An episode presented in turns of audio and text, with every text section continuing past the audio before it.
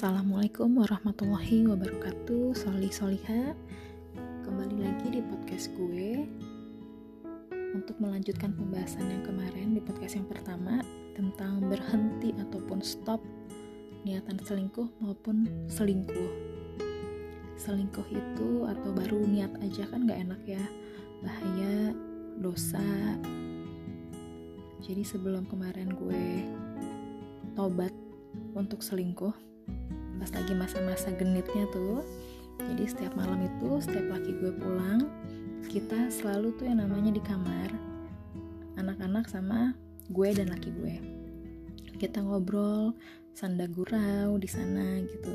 Pas lagi ganjen-ganjennya gue sama si Mas F ini yang single yang berusia 33 tahun gue sesekali tuh pasti deh lagi pun sama anak-anak tuh pasti sesekali ngecekin handphone 5 menit sekali pegang handphone. Ntar udah ketawa-tawa sama anak-anak pegang handphone lagi.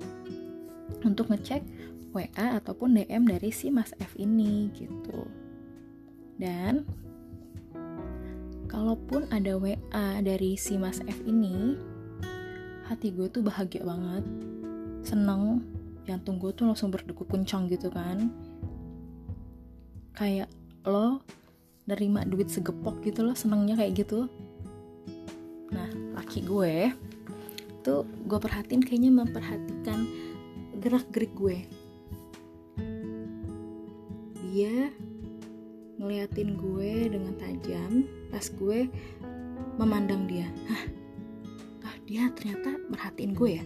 Aduh gue langsung kayak salting kan? Gue langsung badan gue dingin gitu lo ngerti gak sih rasanya kayak orang salah salah tingkah gitu.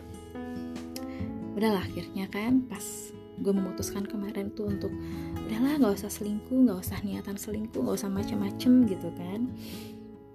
Oke okay, gue memutuskan untuk tobat untuk lempengin hidup gue.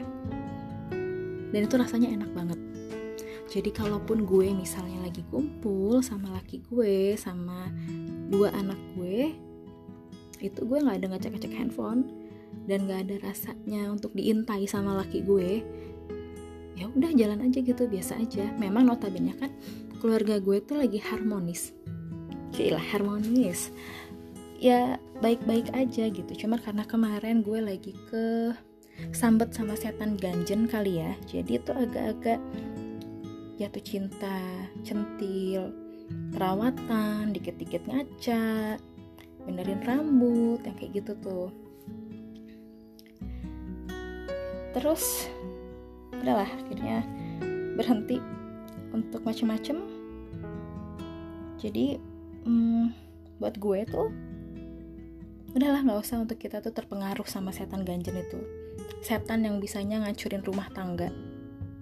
Kalau gue lagi kayak kemarin tuh gue langsung inget kebaikan laki gue.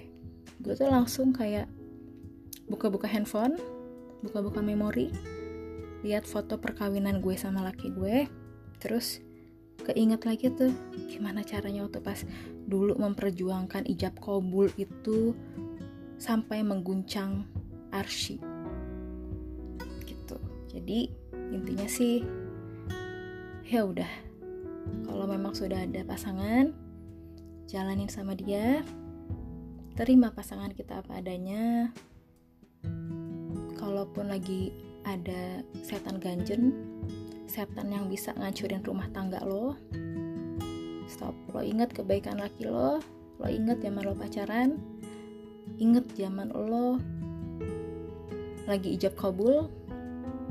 Oke okay? gue cuman ngomong sedikit doang di sini.